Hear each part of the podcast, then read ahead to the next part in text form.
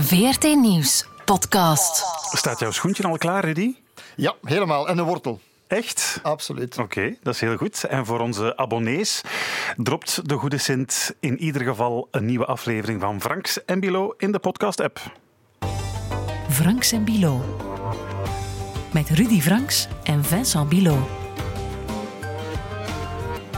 Welkom in onze maandelijkse podcast over de wereld en hoe het ermee gesteld is. Die analyse proberen wij hier iedere maand te maken, of toch op zijn minst voor een paar plekken op deze wereld die in het dagelijkse nieuws misschien wat onderbelicht blijven.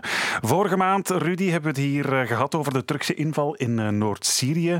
Eh, een beetje reconstructie gemaakt van de gigantische domino-effecten die dat in gang heeft gezet. Ehm, de terugtrekking dan van de Amerikaanse troepen uit Noord-Syrië. En en uh, een van die effecten eh, die we besproken hebben was dat Rusland in de regio de regie heeft overgenomen van de VS. En Charles Douwe die heeft ons daar een mail over gestuurd, uh, Rudy. Die, uh, die wou weten, zou het niet kunnen dat Trump en Poetin de terugtrekking van de VS uit Syrië gewoon samen hebben bedisseld?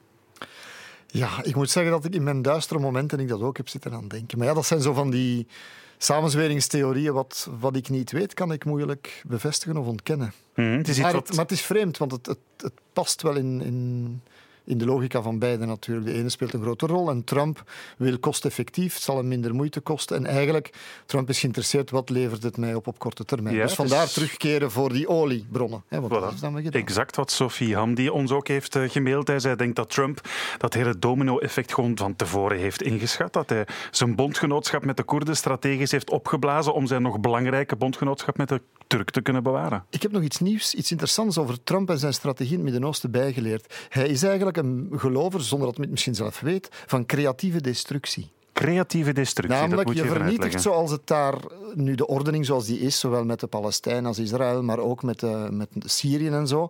Je vernietigt dat en we zullen wel zien wat er uit het puin en uit de, de rook tevoorschijn komt. En want tevoren zat het toch helemaal geblokkeerd. Misschien wat nu komt zal beter zijn. Mm -hmm. Tja, boy, het is maar een geloof. Maar het is wel heel duidelijk, Rudy, dat uh, onze podcastmensen wel aan het denken zet. Ja, en ons Mensen zoals Charles en Sophie die ons dan mailen met, met hun visie en, en nog heel uh, ja, slimme vragen eigenlijk ook. Ja, helemaal niet zo gek, vind ja. ik ook. Maar over naar de orde van deze maand, beste Rudy, want we trekken in deze podcast naar Libanon, waar het straatprotest tegen het regime al maar grimmiger begint te worden. Sociale onrust die over heel veel dingen gaat, maar die toch ook niet helemaal los te zien valt van de Syrische vluchtelingen die Libanon opvangt. We gaan erover praten met een politicologe die zelf uitgebreid met de Syrische vluchtelingen in Libanon heeft gepraat. Ik heb deze maand uiteraard ook weer een opvallend positief cijfer cijfer genoteerd uh, over vrouwenrechten deze keer, Rudy. En uh, jij krijgt natuurlijk naar goede gewoonte ook weer een uh, persoonlijke vraag voorgeschoteld door een van onze luisteraars. Klaar voor? Helemaal. Oké, okay, we beginnen onze reis rond de wereld wel in Zuid-Amerika. Want het rommelt natuurlijk al een hele tijd in ja, eigenlijk heel Zuid-Amerika bijna. Maar de voorbije maand sloeg de vlam in de pan in uitgerekend twee landen waar je dat op het eerste gezicht misschien niet zou verwachten. Twee landen die het economisch net voor de wind gaat. In Chili, nogthans het rijkste land van het continent. En in Bolivia, waar de armoede de voorbije tien jaar spectaculair is teruggedrongen. In Bolivia heeft het straatprotest zelfs voor het eerst een president tot ontslag gedwongen. In een videoboodschap kondigde Evo Morales aan dat hij besloten heeft om af te treden. A las hermanas y hermanos de Bolivia, a todo el mundo entero. Quiero informar desde la Ucrania renunciar a mi cargo de presidencia. En zo is uh, ja, in die sociale strubbelingen in Zuid-Amerika dus voor het eerst een politieke kop gerold. Hè. Hoe is het zo ver kunnen komen en kunnen we in Chili iets soortgelijks verwachten? We gaan erover praten met Anneleen Ophof van de Franks redactie. Dag Anneleen. Dag Vincent. Je hebt twee jaar in Bolivia gewoond en gewerkt. Inderdaad. En we gaan ook praten met Anne Bakkaert van uh, VRT Nieuws. Dag Anne. Hallo, dag uh, Vincent. Jij kent Zuid-Amerika zo'n beetje als de binnenkant van je broekzak, hè? Ja, dat is een beetje overdreven, maar ik heb er inderdaad wel verschillende jaren gewoond en ik volg het natuurlijk voor mijn werk. Voilà. Anneleen, ik zei het daarnet al, Evo Morales heeft de armoede in zijn land spectaculair kunnen terugdringen, van 38% naar 17% geloof ik. Waarom is het volk dan toch zo massaal beginnen morren daar in Bolivia? Ehm, ik denk inderdaad dat Evo Morales heel veel goede dingen heeft gedaan voor het land. Ehm, maar de laatste jaren is hij een beetje de steun kwijt van een heel groot deel van de bevolking. Hij is nu ook al 13 jaar aan de macht. Um, ging vorige keer niet meer opkomen uh, voor de verkiezingen. Kon dan ook niet meer opkomen voor de verkiezingen, grondwettelijk gezien dan. Mm -hmm. uh, heeft daar een referendum voor georganiseerd, heeft dat verloren. En eigenlijk is de, het resultaat van het referendum teruggeschroefd geweest door het Hooggerechtshof. Die zei van hij mag toch nog een keer meedoen, want anders zou dat in strijd zijn met zijn mensenrechten. Mm -hmm. um, en nu is er, zijn er heel veel geruchten geweest over fraude bij die laatste verkiezingen. Precies, ja. Waar eigenlijk een groot deel van de bevolking al niet echt helemaal achter stond. Ja, dus het gaat voor een deel over, over de persoon Evo Morales, die, die wil herverkozen raken tegen eigenlijk alle grondwettelijke regels in. Maar uh, wat mij ook wel ja, treft, is dat misschien die sociale veranderingen, die, die, dat terugdringen van de armoede, misschien wat te snel gegaan is in Bolivia. Zou dat kunnen, dat dat wat, wat tot wrijvingen binnen de verschillende sociale klassen heeft geleid in Bolivia, of zie ik dat verkeerd? Um, ik denk dat we zeker sinds eind jaren 90 kunnen zeggen dat uh, de armere groeperingen, de vakbonden van de boeren, van de mijnwerkers, van de coca-boeren, um, dat die heel veel macht hebben bijgekregen, wat dan natuurlijk voor hen alleen maar positief is. Um, maar als je dan in de stad een beetje de temperatuur gaat opmeten, merk je dat zij vinden dat Morales net enkel voor hen in de bres springt. En ook dat bijvoorbeeld de kleinere uh, inheemse groeperingen, dat zij totaal geen voeling hebben met de inheemse president, die natuurlijk een eigen etnie heeft. Hij is Aymara. De Quechua-bevolking voelt zich ook uh, redelijk redelijk ja, verbonden met hem. Maar als je dan echt gaat kijken naar de Guarani, naar meer indianenstammen die meer van de visserij of van het bos leven, ja, voor hen is dat eigenlijk gewoon ook maar een persoon waar ze geen eigen identiteit of zo mee hebben gevormd. Ik dacht net dat het zo het, het grote verhaal was van Cortés tegen Montezuma. Hè. Dat, dat Morales was toch de inheemse president. Dat was eigenlijk een grote verandering voor het eerst, dacht ja. ik. Terwijl dan nu de oude Spaanse elite, zeg maar, de oude afstammelingen van de kolonisatoren, de macht willen teruggrijpen. Maar dat is blijkbaar te simpel, want de Indianenstammen zijn ook verdeeld. Ja, ik, ik denk dat er zeker misschien een grond van waarheid zit in die theorie. Uh, en dat dat voor een breder Zuid-Amerika uh, meer van toepassing is. Maar Bolivie is zo'n complex land met zoveel verschillende culturen, klimaten, uh, niveaus van armoede en geletterdheid ook. Um, dat je inderdaad ziet van er is een, een heel groot onderdeel dat te maken heeft met klasses. De, de iets lagere klassen van de boeren en de mijnwerkers, zij zijn uh, altijd fervente voorstanders geweest van Morales. Maar binnen de steden heb je ook heel veel verschillende klassen, heel veel arme en rijke mensen. Um, bijna iedereen in Bolivie heeft wel een mix in zijn bloed. Um, er is minder grote elite dan bijvoorbeeld in Chili dan in Argentinië. Um, dus ik denk dat je die vergelijking niet 100% kan doortrekken. Mag ik daar iets over zeggen? Ja. Um, ik, ik, volg Bolivia minder goed dan jij. Ik heb er niet gewoond. Uh, ik ken het echt veel minder goed. Maar um, het is mij toch opgevallen uh, als de nieuwe interim-president uh, die zichzelf benoemd heeft, Um, als die um, op het bordes verscheen met haar ministers, uh, dan was dat letterlijk de elite, hè? De, uh -huh. de blanke elite, ja. afstammelingen van uh, de Spaanse um, ja, veroveraars, laat ik het nu even op flessen trekken. Maar als provocatie kan dat toch wel tellen, denk ik dan. Uh, in die regering, in die nieuwe regering, zit niet één minister van inheemse afkomst. Dus um, als strategie vind ik dat zeer vreemd. Uh, want ik heb vernomen dat de, het deel van de inheemse bevolking die zich eigenlijk ook tegen Evo Morales had gekeerd, net nu op zo'n provocatie uh, helemaal uh, zijn rug heeft gekeerd tegen de nieuwe elite die opnieuw de macht grijpt. Dus uh, ik denk dat het een, een grote provocatie is ja. die maar, zeker maar niet voor dan, vrede zorgt. Krijg je dan, of dreigt er dan een soort van burgeroorlog tussen inheems, Indiaans versus die elite? Ik denk Echt de oude kloof, de oude breuklijn? Ja, het is nu ook de slogan van de pro-moralis betogers. Uh, zij roepen ahora, uh, ahora sí, guerra civil, dus nu wel, hè, tijd voor een burgeroorlog. En inderdaad, wanneer dat je de foto ziet van nu de interimregering, die hopelijk maar 90 dagen aan de macht zal zijn, zoals ook grondwettelijk is voorgeschreven, dan zie je plots eigenlijk allemaal heel blanke, heel, heel witte, um, heel hoogopgeleide, echt inderdaad een, een, een elite die de jaren voordien eigenlijk nooit zo prominent niet meer aanwezig is geweest. Dan is de hamvraag, wie controleert het leger en, de, en het geld? Voorlopig de interimregering. En, maar dus ook de elite, de, de militaire kaders, dat is allemaal... Ja, ja, dus het leger en de politie hebben zich tegen het einde van de protesten tegen Morales um, ook aan de kant van de betogers uh, gezet en hebben gezegd van meneer de president, het zou toch beter zijn als u opstapt in naam van de democratie. En wat doet Uncle Sam? Want Uncle Sam beschouwt dit als zijn achtertuin nog allemaal? Ja, zij steunen de interimregering. Dus zijn... Trump zegt... Ja goed dat Morales weg is. Ja, uh, maar ook evengoed de Europese Unie um, is nu ook, uh, heeft de interimregering erkend en gaat samen met hen in dialo dialoog met de partij van Morales om te zien op welke termijn dat de nieuwe verkiezingen kunnen georganiseerd worden. Er lijkt in ieder geval definitief een einde gekomen aan het tijdperk uh, Evo Morales. Of, nee, ik zie je een beetje bedenkelijk kijken. Anneleen, daar ben je nog niet zo van overtuigd? Nee. nee. Uh, en zelfs als je gewoon de afgelopen twee dagen kijkt naar wat hij in verschillende interviews heeft gezegd, is in het, inter het ene interview aan Al Jazeera zegt hij ik wil graag terug naar mijn land en mm ik wil mhm. graag mijn mandaat uh, uitvoeren. Aan BBC zegt hij dan weer iets anders. Aan CNN zegt hij dan weer iets anders. Hij heeft zelf zijn ontslag ingediend via een videoboodschap.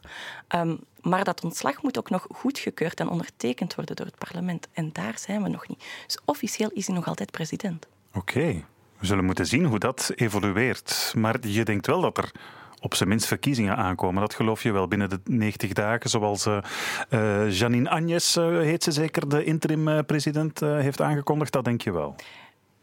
Ik hoop daar voorlopig vooral op. Oké. Okay.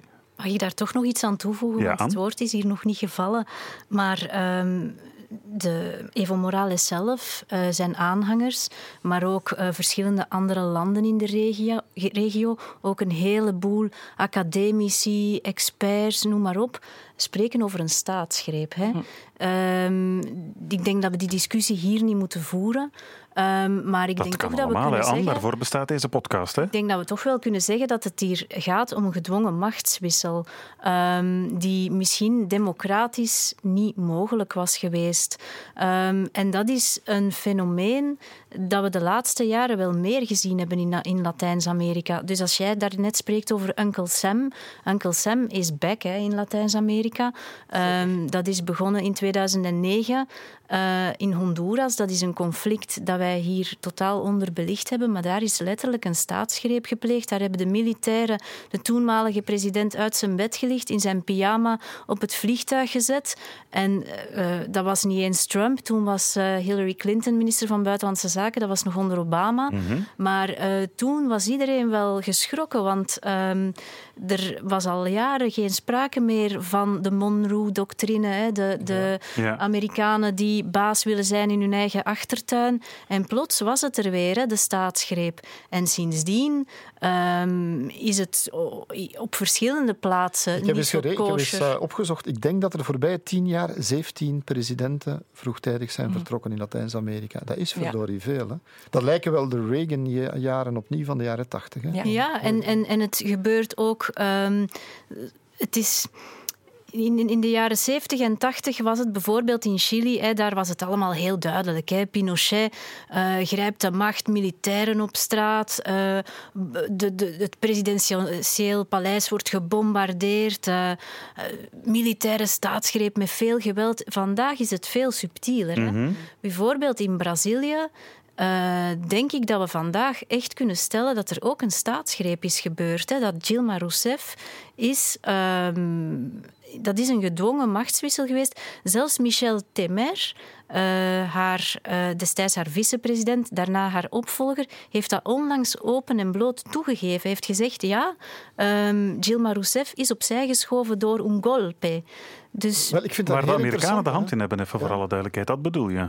Um, ik weet niet of de Amerikanen daar zo rechtstreeks de, de, hand in hebben, maar daar is er zeker en vast een beslissing door, de, door bepaalde elites hè, die af wilden van uh, het beleid van Lula en Gilma, van de Arbeiderspartij, van een, een, allez, een, een sociale herverdeling, laat het mij zo zeggen, die, die echt terug wilden naar, naar oude structuren. Maar ik, ik vind dat wel een interessante discussie. Is het een staatsgreep of is het net omwille van straatprotest, sociaal protest, een soort van sterkere parlementaire democratie?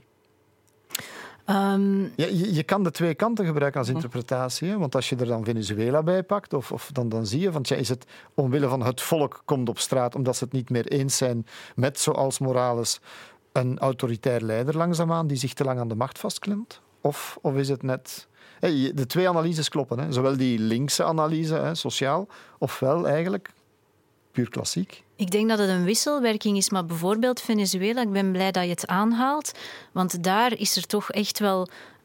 Um, de inmenging van de Verenigde Staten is daar echt obvious. Hè. Dat is heel duidelijk. Maar het eh, volk komt wel op straat tegen Absoluut. een regime dat corrupt en Absoluut. en destructief is. Absoluut. Maar denk je dat de Amerikanen dat dan toch bewust voeden op een of andere manier? Maar de Amerikanen financieren dat gewoon, dat is zo. Ehm, in, in, in, Venezuela. In Venezuela. Guaido is. Uh, is niet, de, de, Amerikanen waren er als de kippen bij om uh, Guaido te erkennen als interim-president toen hij zichzelf uitriep. Um, maar ja, dat was dan ook een links bastion samen met Cuba in, in die regio. Ja, Net zoals daar, Bolivie misschien wel. Ja, ja daar, daar is... Uh, Bolton, de, de veiligheidsadviseur van uh, Trump, die onlangs uh, is afgetreden, die, die heeft dat echt zwart op wit gezegd. Ten eerste van de Monroe-doctrine is terug. Dat heeft Bolton uh, loud en clear gezegd. En ten tweede um, spreekt hij niet over de as van het kwaad, maar over de driehoek van de tirannie. En dat is Cuba, Venezuela, Nicaragua. die socialistische, communistische regimes die, die de Amerikanen willen zien vallen. Hè, dat, en liever vandaag dan morgen. Dus um, dat is zeker en vast aan de gang en open en bloot. Terwijl mm. dat, dat, de, dat is toch nieuw, denk ik. Mhm. En ook in Bolivie kan je echt zien van eigenlijk die, die grote terugkeer of terugdringing van de armoede, dat we, waar we het gesprek mee zijn begonnen, dat is natuurlijk heel positief voor iedereen die in Bolivie woont, maar niet voor de multinationals die daar jarenlang uh, de grote gasreserves, uh, petrolreserves, alle verschillende grondstoffen voor heel um, heel goedkoop eigenlijk hebben kunnen, kunnen uitbuiten en kunnen gebruiken voor hun eigen winst. Waaronder natuurlijk ook heel veel Amerikaanse bedrijven. Mhm. Zij zijn jaren geleden eigenlijk een beetje buiten gezet. En daar is toen besloten van minstens 50% van al dat soort bedrijven die met natuurlijke rijkdommen um, omspringen, moet in handen zijn van Bolivianen. Mm Even goed. En, en het anticapitalistische zit ook heel erg hard in Morales zijn discours. Um, ik weet heel goed nog dat op het moment dat ik er de eerste keer was, was er een McDonald's.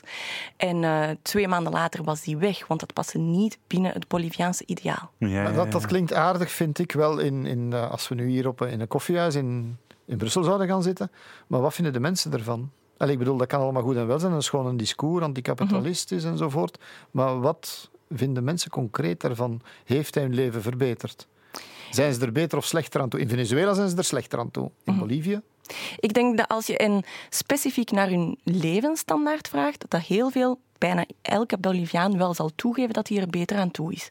Er is gratis onderwijs voor iedereen. Hoger onderwijs kan je daar bijvoorbeeld je eten niet betalen. Dan kan je ook gratis eten op school. Uh, gezondheidszorg, daar kan nog aan gewerkt worden, maar het is er. Um, dus ik denk dat heel veel mensen wel echt gaan toegeven van kijk, we zijn nu beter af dan tien of twintig jaar geleden. Um, als je dus waarom? waarom ik denk dat we daar een belangrijke factor, um, en ik zeg het nog eens, uh, Bolivia kent het minder goed dan andere landen in Latijns-Amerika, maar ik zie een heel grote gelijkenis met Brazilië. En in heel het continent is er een heel diep geworteld racisme. Uh, en een, uh, het is nog altijd een hele grote klassenmaatschappij, een heel koloniaal denken en manier van zijn. Um, er wordt zo neergekeken op de inheemse bevolking en op de lagere klasse. En bijvoorbeeld in Brazilië is een van de verklaringen waarom dat de bevolking zich zo gekeerd heeft tegen de arbeiderspartij van Lula en Dilma, die ook echt wel veel meer welvaart heeft gebracht voor de grote, voor de grote massa's, maar ook voor de middenklasse uh, en zelfs voor de elite. Uh, en een van de verklaringen daar is dat het.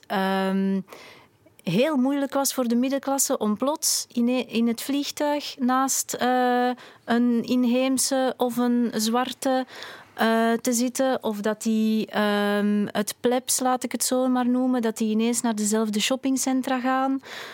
Um, dat de... Uh, zoon van de meid op dezelfde schoolbanken komt te zitten als de, als de heer. Allee, de, ja, ja. de dochter van, uh, van, van.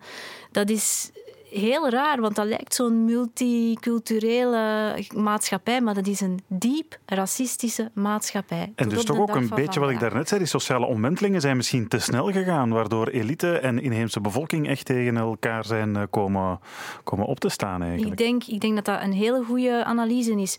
En bijvoorbeeld wat dat me heel erg opviel nu in Bolivia, is op de manier waarop dat die blonde, blond geverfde, mm uh, want het, het ideaal, uh, ik wijk even af, maar dat is nog altijd het ideaal van al die landen en al die mensen is wit. Hè.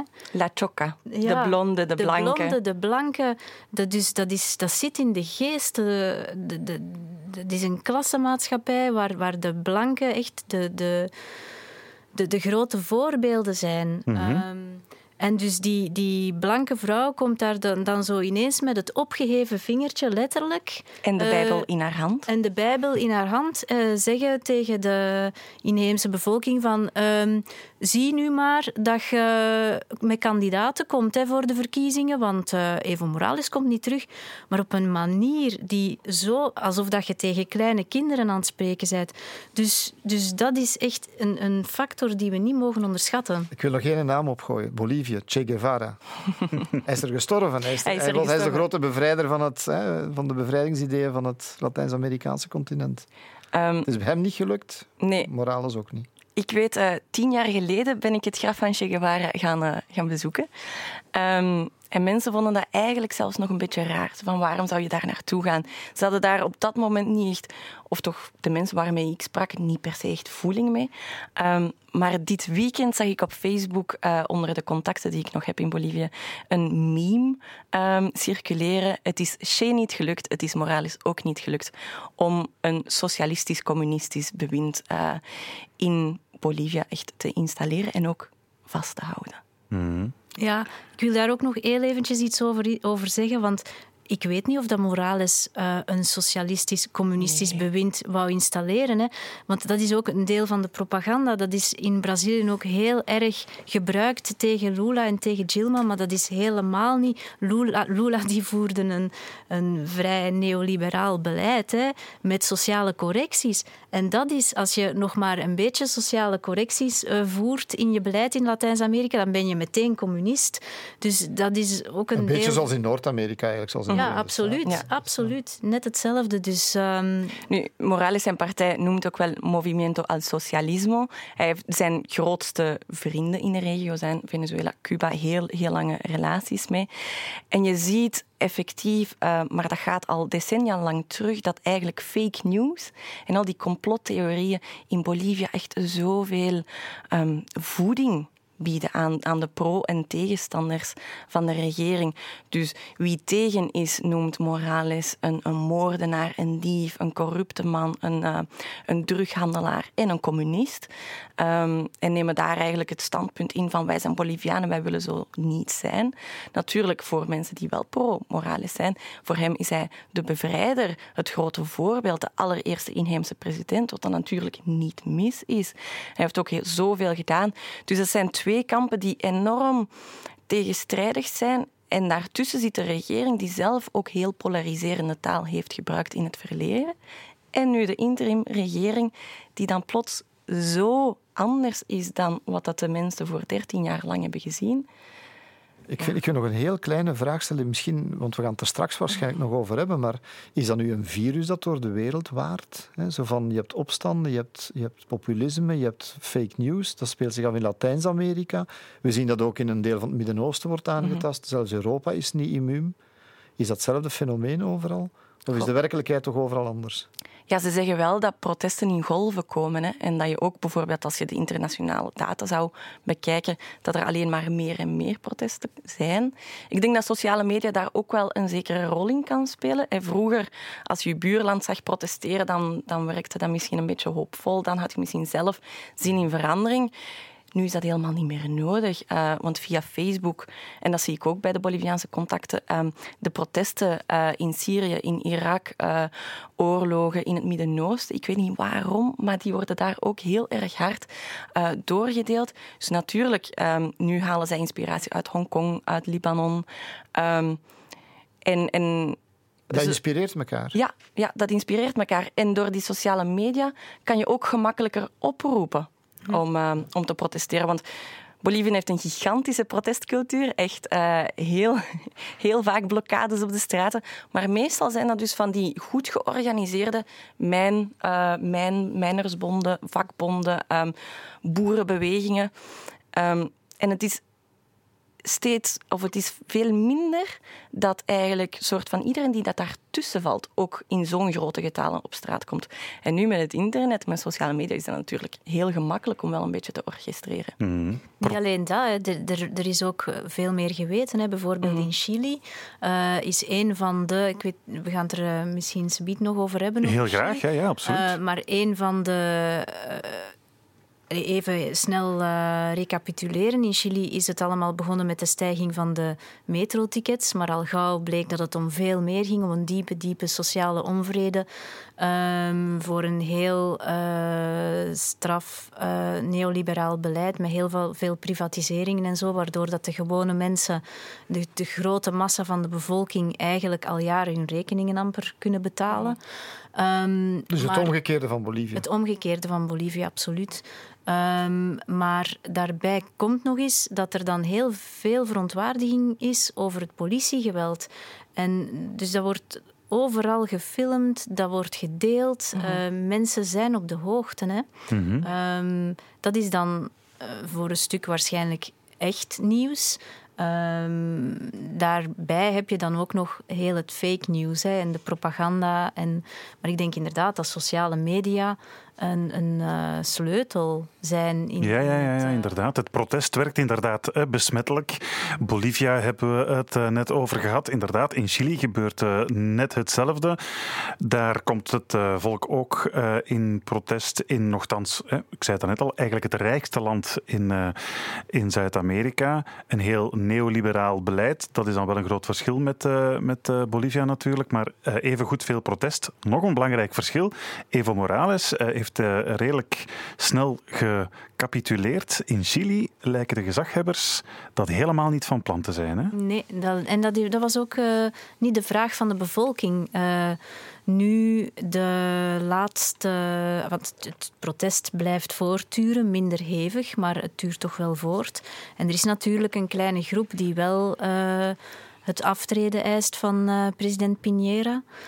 Maar uh, nee, daar gaat het niet om in Chili. In Chili um, is er uh, tegen alle verwachtingen in. Want inderdaad, je zei het al in het begin van de uitzending: Chili is het rijkste land van Latijns-Amerika.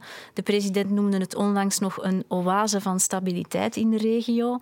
Um, niemand had dat verwacht van buitenaf, van binnenin wel. Als je met de Chilenen van alle lagen van de bevolking uh, spreekt, zegt iedereen: dit moest ontploffen, dit zat eraan te komen. Je hebt met veel Chilenen gesproken hè, de voorbije weken. Wat grieft hen zo hard? Um, ja, de, de, het feit dat, ze, dat er een gigantische kloof is tussen arm en rijk. En dat er uh, inderdaad heel veel rijkdom is bijgekomen in Chili, maar dat, die niet, uh, dat de gewone bevolking daar niet, geen graantjes van kan meepikken. En dat dat dus eigenlijk uh, dat daar, de rijkdom daar op de kap van het grote deel van de bevolking, -hmm. ja, hoe moet je dat zeggen? Um, ik vind het woord niet. Maar uh, het is op de kap van de bevolking, laat, het, laat ik het zo ja, zeggen. Ja, ja, dus en we kunnen inderdaad, dat zijn allemaal macro-economische cijfers over het beste uh, inkomen per uh, hoofd. Mhm. Maar uh, als, als er twee pistolets zijn, Vincent, en, en het gaat tussen jou en mij, dan kunnen we zeggen, ja, maar we hebben gemiddeld één pistolet per persoon. Maar als jij twee pistolets eet en ik geen, dan heb ik niet gegeten en heb ik honger. Hè? Dus met die gemiddelde, dat is zo... Je kan daar alle kanten mee uit. Ja, er wordt ook gezegd dat, eh, dat er nog altijd een soort van koude oorlog ook eh, meespeelt op de achtergrond eh, in, eh, in Latijns-Amerika of in Zuid-Amerika. Wat is daar eigenlijk van aan? Ja, dat is Uncle Sam, hè. Dat is die... Dat is Uncle Sam. En anderzijds dan de Russen en de Chinezen. eh, want bijvoorbeeld in Venezuela hebben de Russen... Die houden Venezuela recht hè, momenteel. Dus dat is eigenlijk ook een, een bijverschijnsel van, de, van heel de mm, politiek rond... en de Amerikaanse steun aan eh, Guaido. Die, denk ik, het eh, probleem alleen maar verergerd en meer gepolariseerd heeft. En uh, de Russen veel meer vrij spel hebben gekregen. Mhm. Dus in die zin, ja, het is een beetje kort door, kort door de bocht, maar uh, dat, dat, speelt zeker in het continent. Zeker ook in Bolivie worden eigenlijk dus heel veel van de infrastructuurwerken nu aan Chinese bedrijven gegeven. En worden daar ook heel veel, bijvoorbeeld over de ontginningen van lithium, wordt daar voornamelijk met de Chinezen gepraat. Is dat ook in Chili het geval? Dat weet ik niet, maar in Argentinië zeker. Want um, in Argentinië is er, uh, zijn er heel belangrijke handelsakkoorden onlangs nog mm. afgesloten door uh, de ontslagnemende president Macri met de Chinezen. Dus uh, ook daar, de, de, invloed van China en Rusland is enorm toegenomen op het continent. Mag ik dan concluderen? Want als ik dat zo een beetje uitzoom, hè, de de Russen nemen deels over in het Midden-Oosten. Amerika trekt zich wat terug uit het Midden-Oosten, want ze hebben die olie niet meer nodig. Maar willen hun greep terug versterken op, op in Latijns-Amerika. Omdat ze voelen dat Russen en Chinezen daar te veel een voet in huis krijgen. Als ik Amerikaans beleidsmaker zou zijn, zou ik effectief wel zoiets hebben van oei, um, wij hebben vroeger redelijk wat macht gehad in Zuid-Amerika, nu veel minder. We hebben dat allemaal een beetje in de stilte laten begaan. Maar plots zijn daar Chinezen en Russen en zijn daar misschien onze eigen belangen ook wel een en beetje is dat misschien meer hun core business, denkt een Trump? Ik weet het niet. Ik probeer maar in zijn hoofd te kijken. Ja. Dat is een gevaarlijke opdracht. maar- Ja, waarschijnlijk meer dan aanwezigheid in het noorden van Syrië bijvoorbeeld. Ja. Mm. Waarschijnlijk wel, hè? Ja, geografisch liggen ze in ieder geval dichter bij elkaar. Nu, voor de rest kan ik moeilijk inschatten wat dat Trump denkt. Nee, nee, maar het is gewoon een interessante gedachtepiste. Dat om, weet om onze luisteraars op, de, op pad te zetten. Ja. Het is, uh, het is zeker en vast uh, dan maar de vraag uh, of, het al, of het strategisch dan de goede manier is. Hè? Want uh, ze, ze polariseren het alleen meer. Bijvoorbeeld ja. de inmenging van Amerika in Venezuela heeft ontzettend veel kwaad bloed gezet. Niet alleen in Venezuela, maar in heel Latijns-Amerika. Ik heb het woord gevonden, creatieve destructie. Absoluut. Ik dacht het daarnet toen dat je het zei. Van ja. Absoluut, ook van toepassing in Latijns-Amerika, zeker en vast. Creatieve ja. destructie, laten we het uh, inderdaad daar helemaal mee samenvatten. Annelien Ophof en Anne Bakkaert, heel erg bedankt om onze situatie in Zuid-Amerika op dit moment wat beter te helpen begrijpen. Dank je Een getal apart. Trouwe luisteraars van onze podcast, die weten dat ik in uh, deze podcast elke maand een getal apart neem. Een uh, statistiek die een uh, ander licht werpt op de zaken. Een positief, ja, soms zelfs een beetje een hoopvol licht. En deze maand is ons getal het cijfer 60. Want volgens een nieuwe studie zijn in maar liefst 60 landen op deze wereld de vrouwenrechten er het afgelopen jaar substantieel op vooruit gegaan, Rudy. Wil dat dan zeggen, Vincent, als ik de bronbeer mag zijn, dat er in meer dan 100 landen het op achteruit is gegaan? Uh, laten we zeggen dat het in een aantal landen status quo is gebleven. In een aantal landen inderdaad ook achteruit is gegaan. Maar dus wel in 60 landen vooruit. Laten we daar misschien toch eerst even op focussen. Uh, dat blijkt uit de Women's Peace and Security Index. Een index die wordt opgesteld door de Universiteit van Georgetown samen met het Vredesinstituut van Oslo. Dus dat zijn wel degelijk wetenschappelijk onderbouwde cijfers. En dus uh, voilà, in het algemeen zijn er bijvoorbeeld in die 60 landen meer meisjes die toegang hebben tot onderwijs. Vrouwen worden beter vertegenwoordigd in het parlement. Ze worden juridisch al maar gelijker behandeld uh, met mannen. Ze hebben beter werk en vrouwen worden financieel ook al maar onafhankelijker. Dat Veel is- reden dus tot optimisme. Absoluut, zijn positieve cijfers. Dat wil dus zeggen dat eigenlijk globaal gezien het in de wereld er beter aan toe gaat. Dat het er eigenlijk inderdaad uh, beter aan toe gaat. En ik, ik, uh, ik zeg veel reden tot optimisme, maar er zijn natuurlijk ook aantekeningen te maken. Ik ga je voor zijn, Rudy, want ik ken jou natuurlijk met al jouw galspuwerij. bijvoorbeeld het feit dat vrouwen al maar vaker deelnemen aan de politiek. Dat klopt, maar uh, aan dit tempo zal het toch nog altijd 52 jaar duren eer de balans man-vrouw in parlementen overal ter wereld in is blinken van aai in de wereldgeschiedenis. Dat is wel waar natuurlijk. 50 jaar, wat wat, ik ben blij dat jij zo positief bent. Ah. er zijn ook al maar uh, meer vrouwen die een, uh, een job hebben. Uh, al zijn er wereldwijd nog altijd 2,7 miljard vrouwen die niet dezelfde jobs mogen uitvoeren als mannen. Dat is dan toch ook weer een kanttekening die we moeten maken. vrouwen worden al maar minder gediscrimineerd door de wet, lees ik ook nog in de studie. Alleen wordt het problematisch in landen waar vrouwen te maken krijgen met oorlogsgeweld. Je merkt overal waar er oorlog en conflict is, zijn de vrouwen blijkbaar degene die het het eerste bekopen. Ja, de, de zwakste. De zwakste ja. Fysiek wordt, dat wordt misbruikt. Hoewel je kan natuurlijk zeggen, maar dat is een zijspoor. Hè, maar is dat uh, in, in het Westen, met de Tweede Wereldoorlog en de Eerste Wereldoorlog, hebben de vrouwen meer rechten verworven, omdat men mhm. de vrouwen nodig had. De mannen moesten naar het front gaan vechten. De vrouwen hadden een rol te spelen in de economie en kregen mhm. daarna stemrecht en zo. Maar goed, in, in concrete situaties zoals nu, denk ik dan aan Jemen, en Afghanistan? Ja, wel niet toevallig in de lijst staan ze op de laatste en de voorlaatste plaats als het gaat over vrouwenrechten. Ja. De meest corrupte landen vaak, waar de, de oorlog al zo lang aansleept. Ook heel traditioneel conservatieve landen. Dan denk ik ook aan Afghanistan, waar ik onlangs geweest ben en waar ik het gevoel had dat vooral de vrouwen zich heel veel zorgen maakten in de steden over hun toekomst. Dat mhm. ze al de rechten die ze met moeite gekregen hadden en vooruitgang hadden geboekt de voorbije twintig jaar, dat ze die terug gingen kwijtspelen. Mm Als je die beelden ziet van vrouwen die gestenigd en, en geslagen worden met stokslagen door de Taliban, ja, dan, dan begrijp ik die angst. En Jemen, ja, dat moet met puur met hongersnood, armoede en embargo van oorlog te maken hebben. Ja, ja, Meisjes die, die waarschijnlijk vroeg moeten trouwen, begrijp ik. En dan uit armoede. Ja. En dus eigenlijk ook geen, totaal geen rechten hebben. Weet je waar uh, ons land staat in die index van 167 landen, Rudy? Nee. Op de 27e plaats. Is dat goed, vind je? Dat is niet slecht. Dat is beter dan Jemen en Afghanistan. Ja, ja, maar... Maar eh, we staan blijkbaar ja, bijvoorbeeld een stuk onder Nederland wel wat, toch? En, en Luxemburg ook staat ook boven ons. Als ik, vermoedelijk kan ik me inbeelden dat de noordelijkere en Scandinavische landen altijd beter scoren dan wij. Ja, dat is zo. Um, ja, waar zijn we dan slecht in? Wel, waar wij blijkbaar heel erg slecht in zijn, of waar we slecht op scoren, um, is partnergeweld. Huiselijk geweld dus. Huiselijk geweld. België scoort daar van alle uh, Europese ontwikkelde landen het, uh, het slechtste. 6% van de vrouwen uh, heeft op een of andere manier uh, te maken met, met partnergeweld. Dat is dat is, dan zo huisje wel tevreden achter gesloten deuren? Is het dat idee? Mag niet geweten zijn, moet niet over gepraat worden? Ik heb dat onderzoek zelf niet gedaan, maar dat zou natuurlijk wel kunnen. Ja. Zwitserland is daar bijvoorbeeld veel beter, 0,9 in vergelijking met 6% bij ons. Dat is toch wel een gigantisch verschil. Hè? Immens, Daar valt wel iets aan te doen. Ik weet, er zijn ook veel uh, overheidscampagnes die er nu meer en meer over georganiseerd worden. Dus ik denk dat de overheid er zich ook wel van bewust is dat dat een probleem is. Maar waar zijn we goed in? Zeg dat eens. Waar zijn wij België goed in? Waar scoren we echt goed in? Uh, chocolade maken? Nee, nee. Als over vrouwen. Vrouw, ja, ja, wij zo. Uh, nee, blijkbaar de, de financiële uh, onafhankelijkheid van, van de vrouw. ik ga het hier eens even erbij nemen.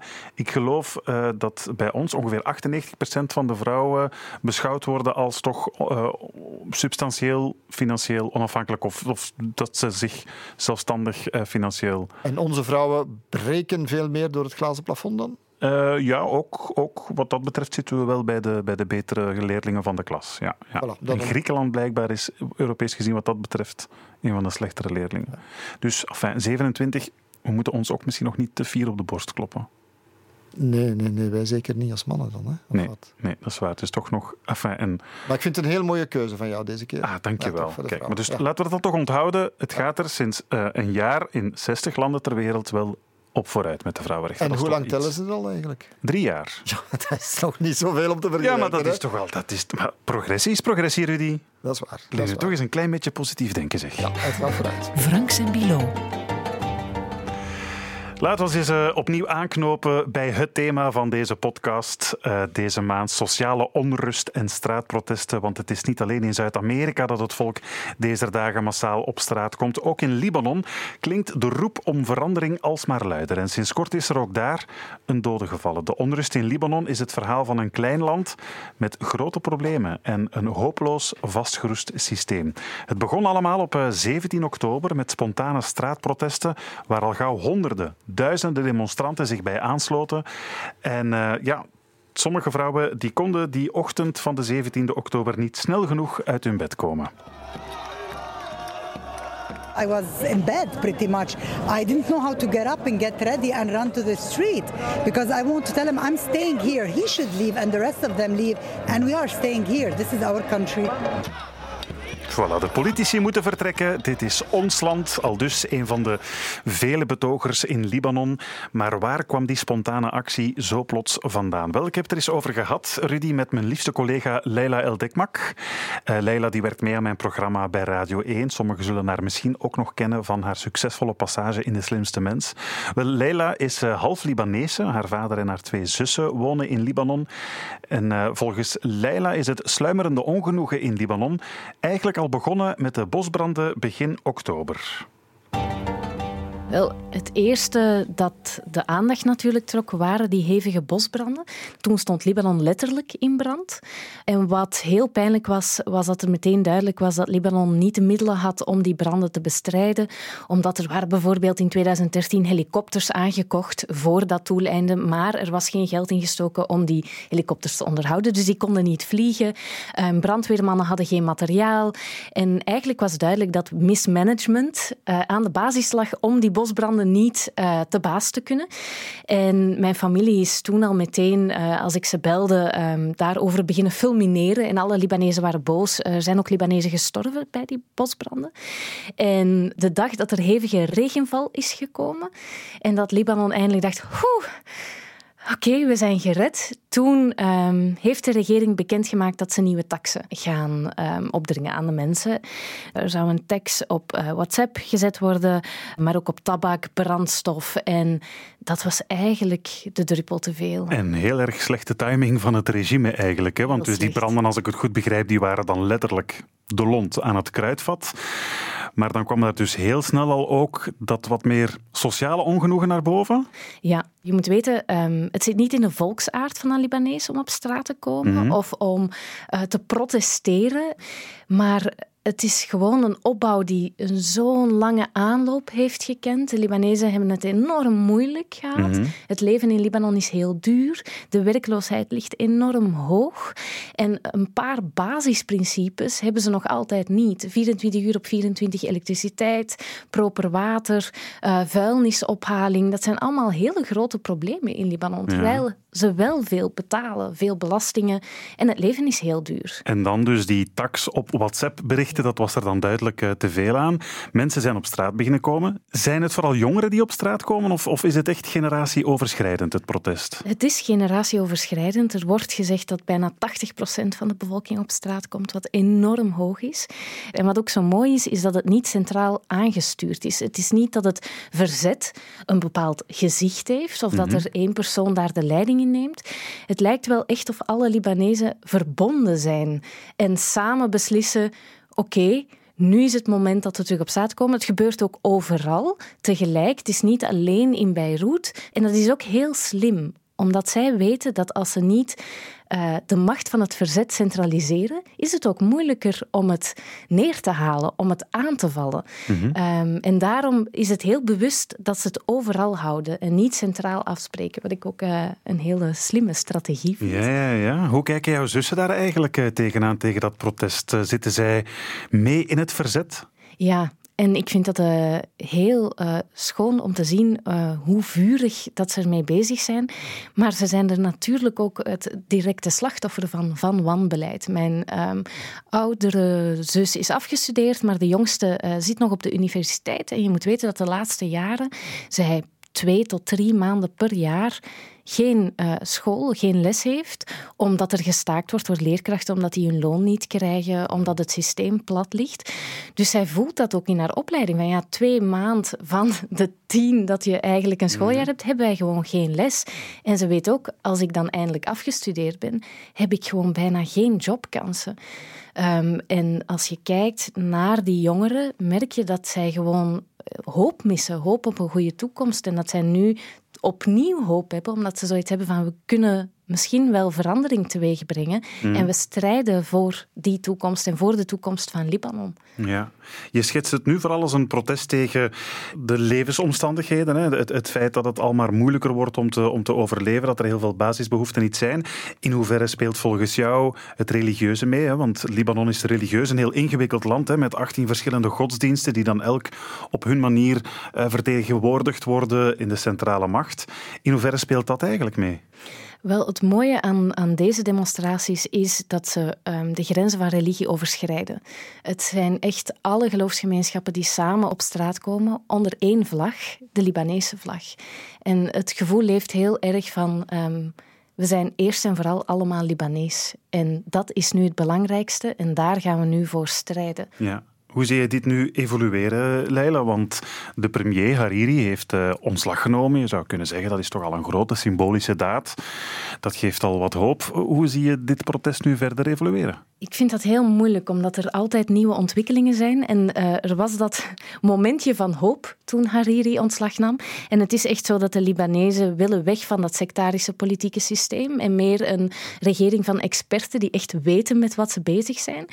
Maar dan heeft de president een nieuwe speech gegeven, uh, niet zo lang geleden. En daarin zei hij, ja, kijk, het blijft toch allemaal gewoon bij hetzelfde. En iedereen die het er niet mee eens is, die mag emigreren. Nu moet je weten, Libanon heeft al een diaspora van 15 miljoen Libanezen ongeveer. Op een bevolking van 6 miljoen. Dat zijn voornamelijk jongeren.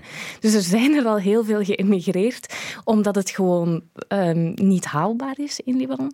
Dus ik weet het niet. Ik hoop heel erg dat het goed afloopt.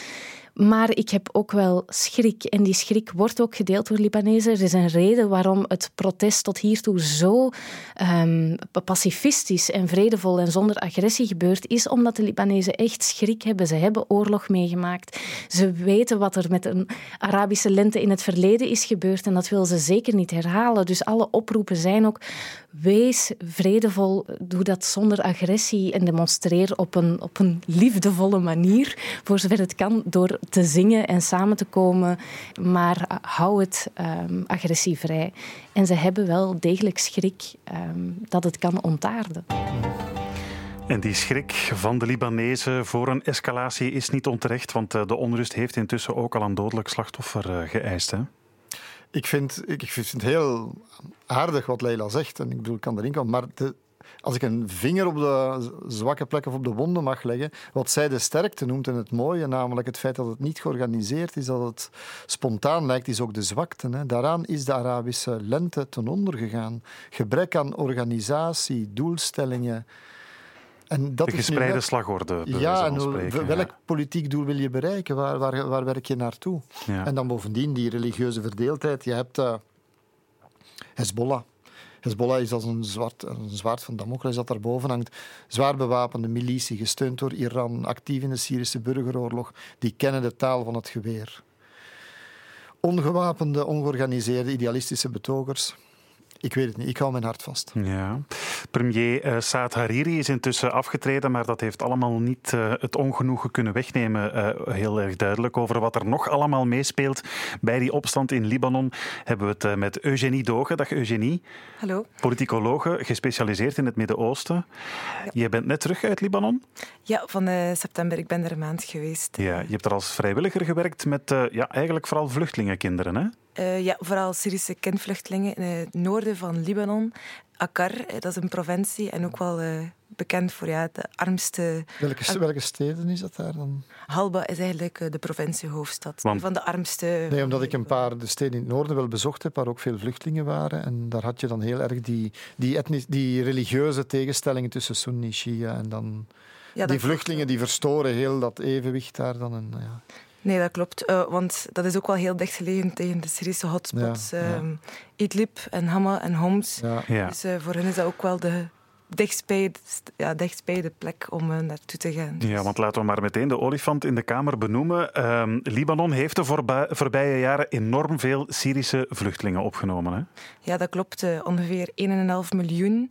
En daarnaast heb je dan nog de Palestijnen. Ja. Dat weegt enorm op de Libanese samenleving. Want die zijn met hoeveel de Libanezen? Ik dacht een, een viertal miljoen? Ja, 4 miljoen. En ja. dan alles samen, ja, de vluchtelingen toch wel 6 miljoen. Dus uh, dat is ongelooflijk. Hè? Dus anderhalf miljoen Syriërs dan eigenlijk zijn ja. erbij gekomen. Hè? Misschien toch heel even, Vincent, het is heel belangrijk dat mensen dat weten. Ja. Libanon is in de jaren 70, 80 verscheurd geweest door een waanzinnig afschuwelijke burgeroorlog. Mm -hmm. Omdat dat hele religieuze evenwicht tussen Soenieten, Shiiten, milities van uh, like Hezbollah, Amal bij de Shiiten, je hebt de christenen. Je had een heel politieke constructie en evenwicht die bewaard is gebleven. Mm -hmm. Toen daar Palestijnen zijn binnengekomen, toen Isra Israël daarbij gekomen is, dat er een oorlog gekomen is, is heel dat evenwicht verstoord geweest. Met een half miljoen Palestijnen. Hè? Ja. Of niet, maximum.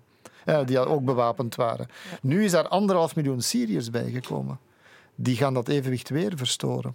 En dat is de grote vrees. Hè. Dat is nu al twee jaar dat men vreest van dit kan ontploffen op een of andere manier. En, dat is... en jij hebt daar dus middenin gestaan. Ja, je voelt dat wel. Dat, um, ze worden niet altijd goed positief onthaald. Er is heel veel discriminatie. Um, zelf um, ja, basiseducatie, bijvoorbeeld Syrische kinderen, starten ook een maand later dan de Libanese kinderen.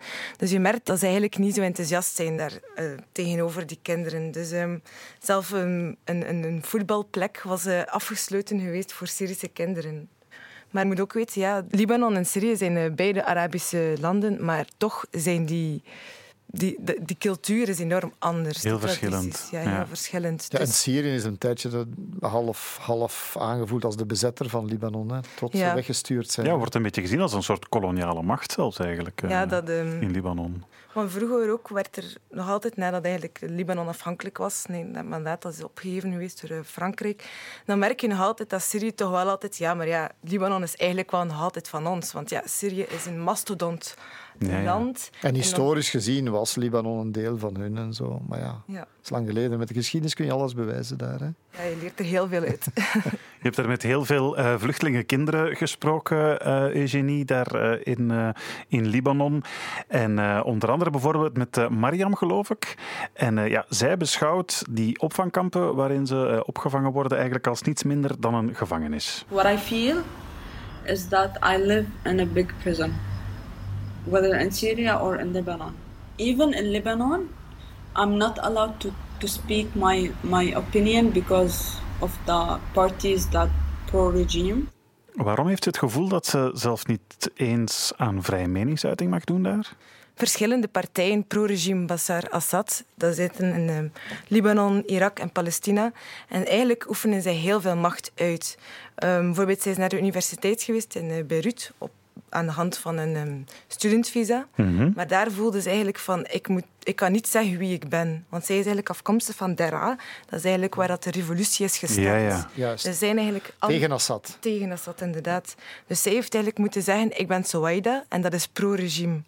Dus eigenlijk zo merk je van, ik kan niet zeggen wie dat ik ben. En ja. eigenlijk in het hele Midden-Oosten heeft ze wel het gevoel, ik zit hier vast. Libanon zit er mee in in die oorlogen. Want Hezbollah bijvoorbeeld, die de, de machtigste militie is in Libanon en eigenlijk ook regeringspartij, is pro-Assad. Vecht met Assad mee tegen de rebellen. Klopt. Heeft meegevochten in Dera tegen dat meisje dat gevlucht is daar. Hè? Ja. Dus ja. uiteraard. Die vijand thuis is de vijand nu ook in Libanon voor haar. Het is wellicht ook geen toeval dat Mariam uh, jou vertelde dat het laatste wat ze wil wel is om terug te keren naar uh, Syrië. Zelf zegt ze als president Assad zou aftreden. I will go back to Syria in one condition. If Assad family would lead the government. Because even if they like go on TV and they would be like, all is fine, all Syrian refugees, please come back to Syria, I wouldn't trust them. I would never ever trust the Syrian government. Because they like they've done a lot of harm to my father and my uncles. And they've done a lot of harm to me. They tortured me. And because they raped me so i'm like like i can't trust them Mm-hmm. Zij is eigenlijk een politiek activist. Dus dat zit al 40 jaar in haar familie dat zich negatief uiten tegenover het regime. Tijdens de, de revolutie heeft ze eigenlijk heel veel voedsel bedeeld. En ehm, ja, dat was uh, niet akkoord voor het regime. Dus eigenlijk hebben ze zeven keer gearresteerd. Ze heeft dat varieert van één week tot dertig dagen dat ze heeft vastgezeten. Geen uh, vrouwelijke hygiëne of niets. Ja, dat escaleerde enkel alleen maar totdat ze echt op een bepaald moment ja, moest vluchten naar haar zus heeft gebeld de Libanon. Ik moet nu weg. Haar ouders weten daar eigenlijk zelf niet van. Mhm. Of ze zei tegen mij, ze gaan een hartattack krijgen. Ja, het is enorm erg. Je kan niet je meningen Nee, ze is ook... Uiten. Gaan die vluchtelingen terugkeren? Want dat is wat de Libanezen willen, denk ik. Hè? Dat klopt, want sinds 2018 um, is ook de deportatie um, van Syrische vluchtelingen die illegaal verblijven. Want na 2015 is het ook niet meer mogelijk om um, um, asiel aan te vragen. Initieel gezien heb ik wel het gevoel dat ze ook nooit wouden vluchten. Maar omdat ze iemand hebben verloren, of dat ze eigenlijk vrezen voor de toekomst van hun kinderen, hebben ze geen hoop of geen toekomst meer dat ze zien in hun land.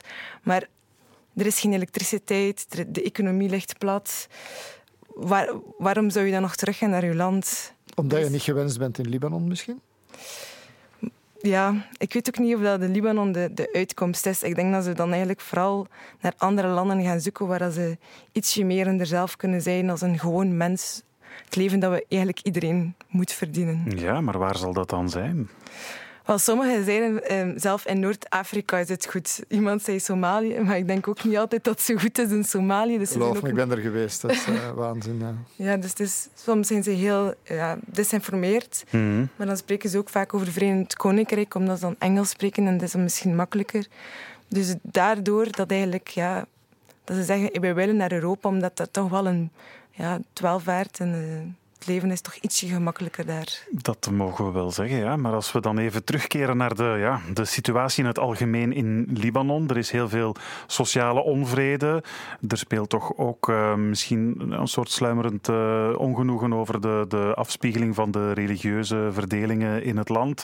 Dan heb je daar inderdaad dat, ja, die vluchtelingenproblematiek die zo op scherp wordt gezet. Ja, moeten we beginnen vrezen voor een, een burgeroorlog? Wat Leila misschien een beetje vreest dat het alsnog tot geweld komt? Wat denk jij, Rudy?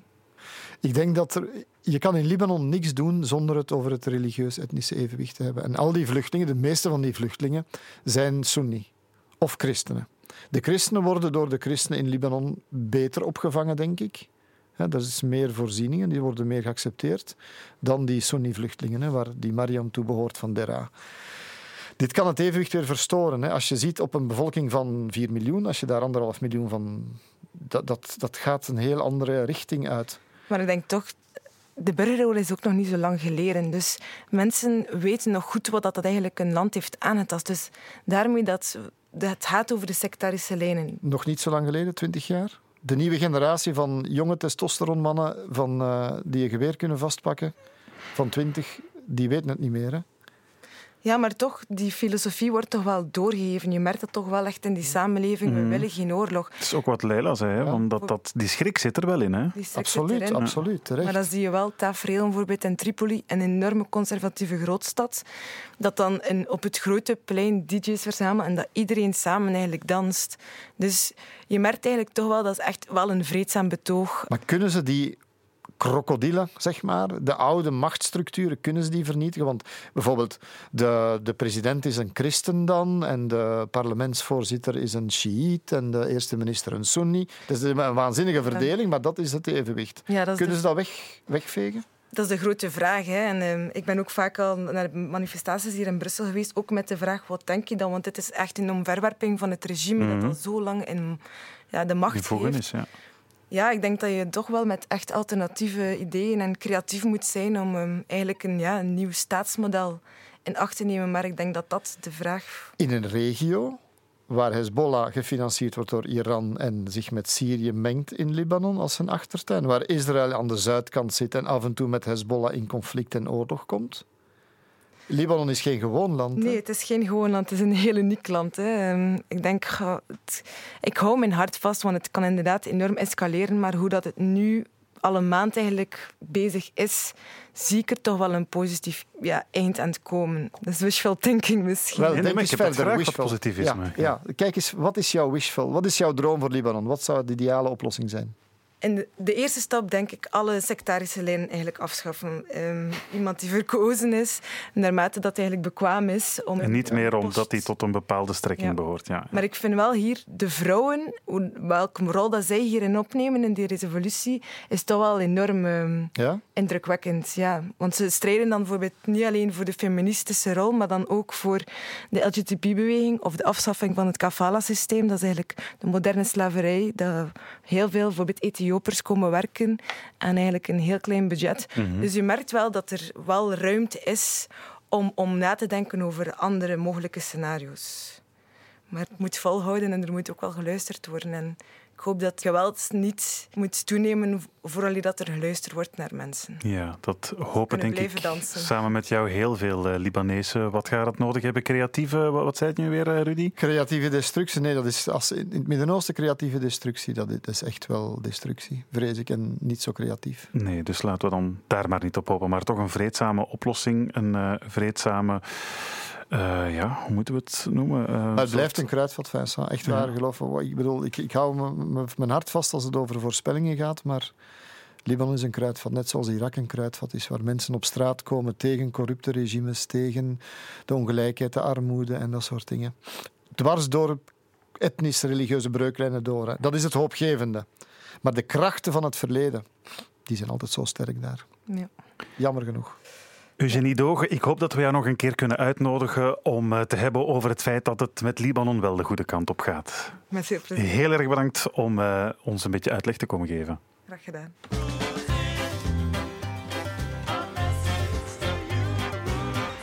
Jullie hebben ook deze maand weer heel wat berichtjes voor Rudy achtergelaten in onze mailbox vb.vrt.be. Complimenten, verwensingen, maar ook persoonlijke vragen gericht aan de mens van vlees en bloed die achter dat geharde panzer van journalistieke degelijkheid natuurlijk ook schuilt. En deze maand, eh, beste Rudy, leg ik jou een vraag voor van Emma van den Dalen. Zij merkt op dat je vaak verslag doet van conflicten die religieus geïnspireerd zijn. En we hadden het net nog over Libanon. En ze vraagt zich af hoe dat nu met jouw religieuze en spirituele leven zit. Ben jij katholiek opgevoed? En zo ja, ben je ook gelovig gebleven? Ha, ik ben gedoopt, ja, maar het is Dan ben je officieel katholiek opgevoed, hè, Rudy? Als je Nee, doop nee, hebt dan ben ik gekregen, ben je christen voor het leven. Hè? Ja, dat kan zijn. Ik ben niet uitgeschreven, zoals dat heet. Hè. Ja. Ja. Ja, Ik, ik laat mij mijn grootvader inspireren. Mijn grootvader, ik herinner me dat, ik ben daar voor een deel groot opgevoed, zeg maar. Die zei ja, tegen mij, kleine knaap, "T- dat is goed, die kerk en, en de pastoor, totdat je 11, 12 zet. En dan moet je zelf je beslissingen leren nemen. Dan moet je weten waar het in het leven om gaat. Mhm. En hij is zelf niet meer naar de kerk gegaan. Mijn grootmoeder die, die, die, die deed dat voor twee. Die, die ging kaarsjes branden dan. 11, 12, dat is de leeftijd van je vormsel. Heb je, heb je dat nog gekregen, je vormsel?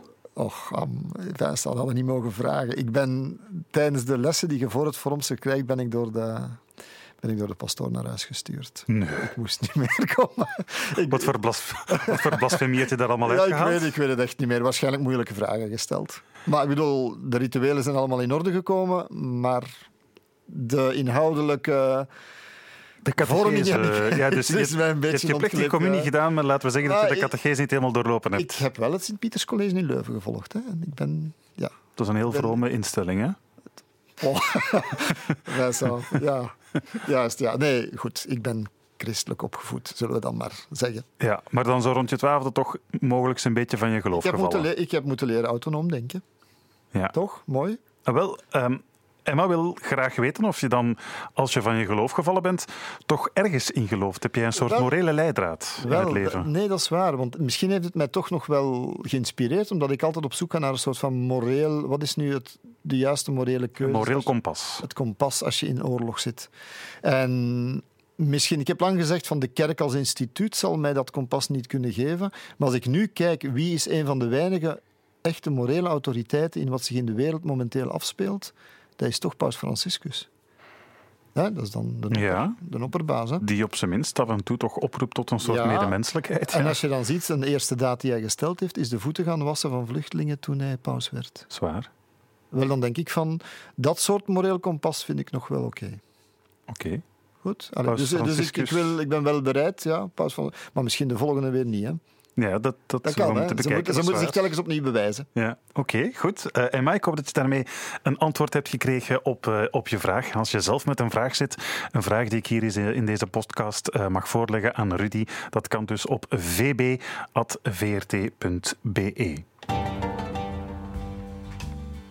En uh, als je nog meer wil weten over Libanon, dan moet je surfen naar VRT Nu. Want je vindt daar momenteel de docu-reeks en de podcast De Slag om Libanon.